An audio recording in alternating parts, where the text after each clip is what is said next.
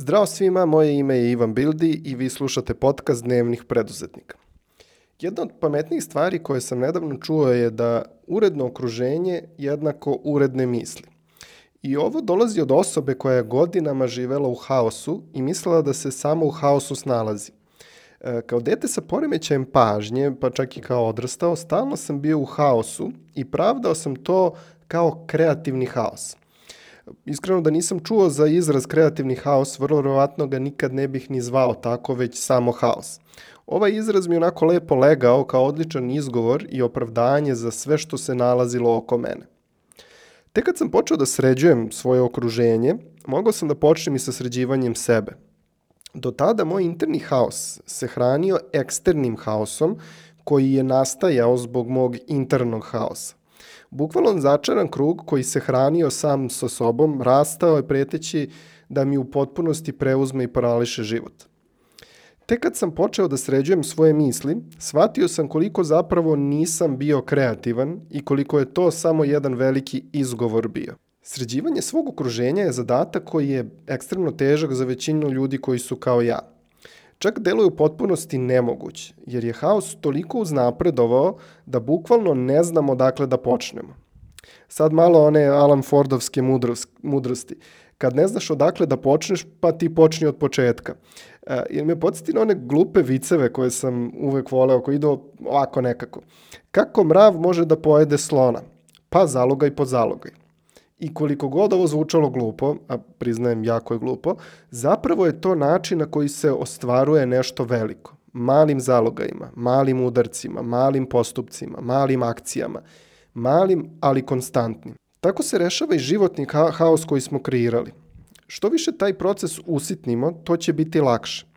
Počneš od sređivanja stola, pa sobe, pa kuhinje, pa garderobe, pa ostave, pa kancelarije – i tako malim koracima vidiš da napreduješ.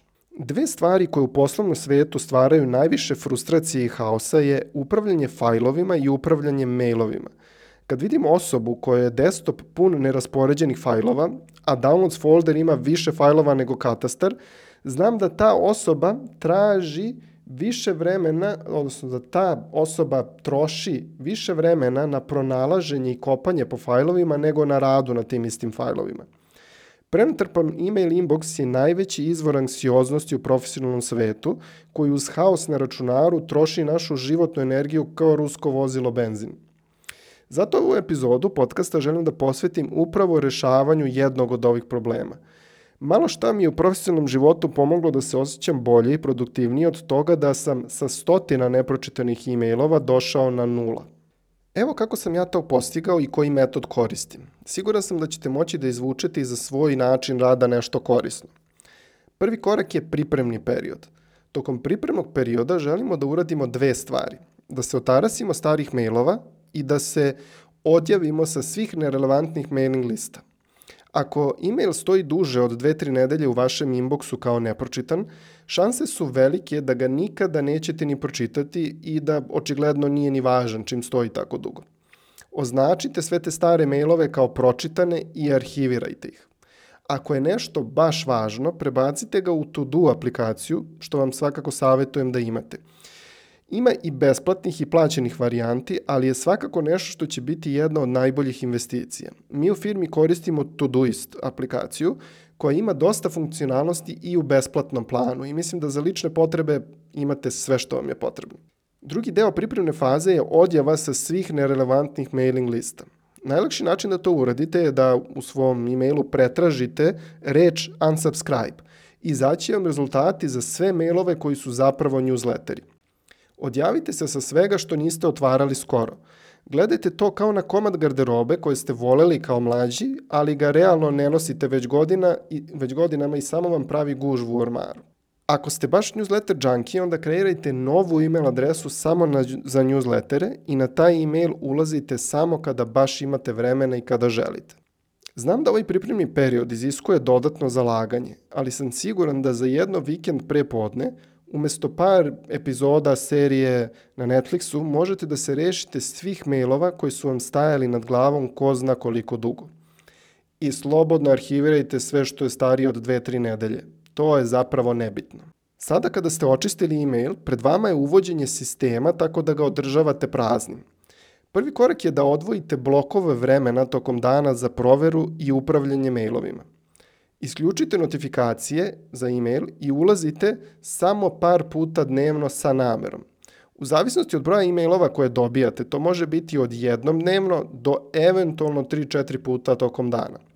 Osim ako ne radite u podršci, ništa se neće desiti u tih 2-3 sata što je urgentno. Kada u bloku koji ste odvojili za proveru mailova sednete za računar, sve što želite je da radite trijažu, odnosno raspoređivanje. Ne želite da nešto operativno radite, niti da trošite mentalnu energiju. Zašto je ovo važno? Važno je želimo da proces provere mailova bude što lakši mogući i da naš mozak unapred zna da mu taj proces neće biti naporan i stresan. Kad naš mozak to zna, neće prokrastinirati taj proces. Naprotiv, postaće mu nagrada koju želi da se vrati. Da nastavimo dalje. Svi mailovi koji su nerelevantni i ne obraćaju se vama direktno, Znači svi oni transakcioni mailovi, potvrdni mailovi, svi oni mailovi kad smo u CC-u i slično. Njih odmah aktivirate. I to je najbolje da uzmete e, shortcut na staturi, da kreirate shortcut, da jednim klikom dugmeta možete odmah da arhivirate taj email. Zatim, postoje mailovi sa kojima treba nešto da se uradi. Njih svrstavamo u četiri kategorije. Prva, odgovoriti odmah. Ako vam je potrebno da odgovorite na e-mail manje od 2 minuta, uradite to odmah i arhivirajte prepisku. To su svi oni mailovi koji traže da nešto potvrdite, da ispratite prepisku i slično. Druga kategorija su mailovi u kojima ste dobili neki konkretan zadatak koji treba da uradite ili je potrebno više od dva minuta da se odgovori. Taj e-mail odmah dodajemo u našu to-do aplikaciju. Većina tih aplikacija, kao Todoist na primjer, ima funkcionalnost da možemo e-mail da forwardujemo i on će se pojaviti u To-Do aplikaciji. Želimo da koristimo ovu funkcionalnost jer ne želimo da se svičujemo između različitih aplikacija ili ne da Bože prekucavamo taskove ili copy-pastujemo. Jedan jednostavan forward i sve je tamo gde treba da bude. Čim smo forwardovali, arhiviramo e-mail a zadatkom se bavimo našoj to-do aplikaciji za koju ćemo opet da odvojimo blok vremena i u kojoj ćemo da prioritizujemo sve obaveze i bavimo se onim najbitnijim. Treća kategorija su e-mailovi koji su neki događaj. Sastanak, video poziv, korporativna žurka, veseli petak, šta god. Važno je da je događaj. Od ovoga odmah kreiramo event u kalendaru i arhiviramo taj e-mail. Četvrta kategorija su mailovi koje želimo kasnije da pročitamo. Ovo su razna obaveštenja, nove procedure, newsletteri i slično. Ovu vrstu e-mailova forwardujemo u Read Later aplikaciju. Aplikacija koja je besplatna i preporučivo sam je i ranije je Instapaper. Ovim mailovima se vraćamo kada odvojimo vreme za čitanje. U Instapaper aplikaciji ćemo imati članke na koje smo naišli na netu pa ih sačuvali, videe na koji smo naišli i te e-mailove koje smo sačuvali za čitanje kasnije. Ideja je da se ovde vratimo kad nama odgovara i odvojimo blok vremena za to, kad znamo da ne postoji ništa bitnije i hitnije da se radi. Kada napravimo ovakav sistem trijaže, bukvalno za 10-15 minuta možemo da očistimo sve mailove i vratimo se aktivnostima koje zapravo imaju smisla. Možda vam ne deluje kao da smo uštedeli vreme time što smo samo prebacili e-mail u To-Do aplikaciju, ali zapravo jesmo i to dosta. Jer kad uđemo u To-Do aplikaciju vidjet ćemo jasnije šta sve imamo još od obaveza van tih e-mailova i možemo da prioritizujemo po važnosti taskove koje ćemo da radimo. Ovako, kada samo odgovaramo na mailove bez jasne slike šta nas još sve čeka, lako se dogodi da nas povuče odgovaranje na mailove i da proleti sat ili dva kao ništa. To nas dalje vodi ka tome da tokom dana radimo manje važnih stvari koje smo hteli zapravo da postignemo tog dana, što dodatno povećava anksioznost koja smanjuje produktivnost i tako u začaran krug. Nadam se da ćete moći da izvučete nešto iz ovog mog sistema i ja sam takođe pokupio sa više različitih mesta različite sisteme. I prilagodite ga sebi. Sve ovo što sam vam rekao može da se uradi na različite načine, recimo i sa labelovima u, u, u e-mailu. Zavisi malo i od aplikacije koju koristite.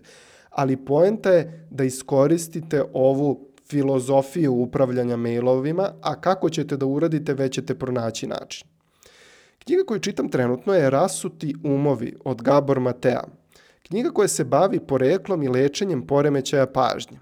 Ako ste vi osoba koja ima poremećaj pažnje, bilo da u to samo sumnjate i ne imate potvrđen poremećaj, ovo je knjiga koja će vam potpuno promeniti pogled na to stanje i pomoći u procesu lečenja ili makar držanja pod kontrolom ovog stanja. Pošto je poremećaj pažnje i moderna bolest dece, ako ste roditelj, pogotovo savjetujem da je pročitate. Tanka je linija između deteta koje je živah, živahno i ne drži ga mesto i deteta sa poremećajem pažnje. Knjiga se može kupiti kod nas i imate je u kontrast izdavaštvu. Ja sam je pročitao na engleskom i sad sam kupio i srpsku verziju da je imam kod sebe stalno. To bi bilo to za ovu epizodu, a mi se ponovo čujemo u narednoj. Pozdrav!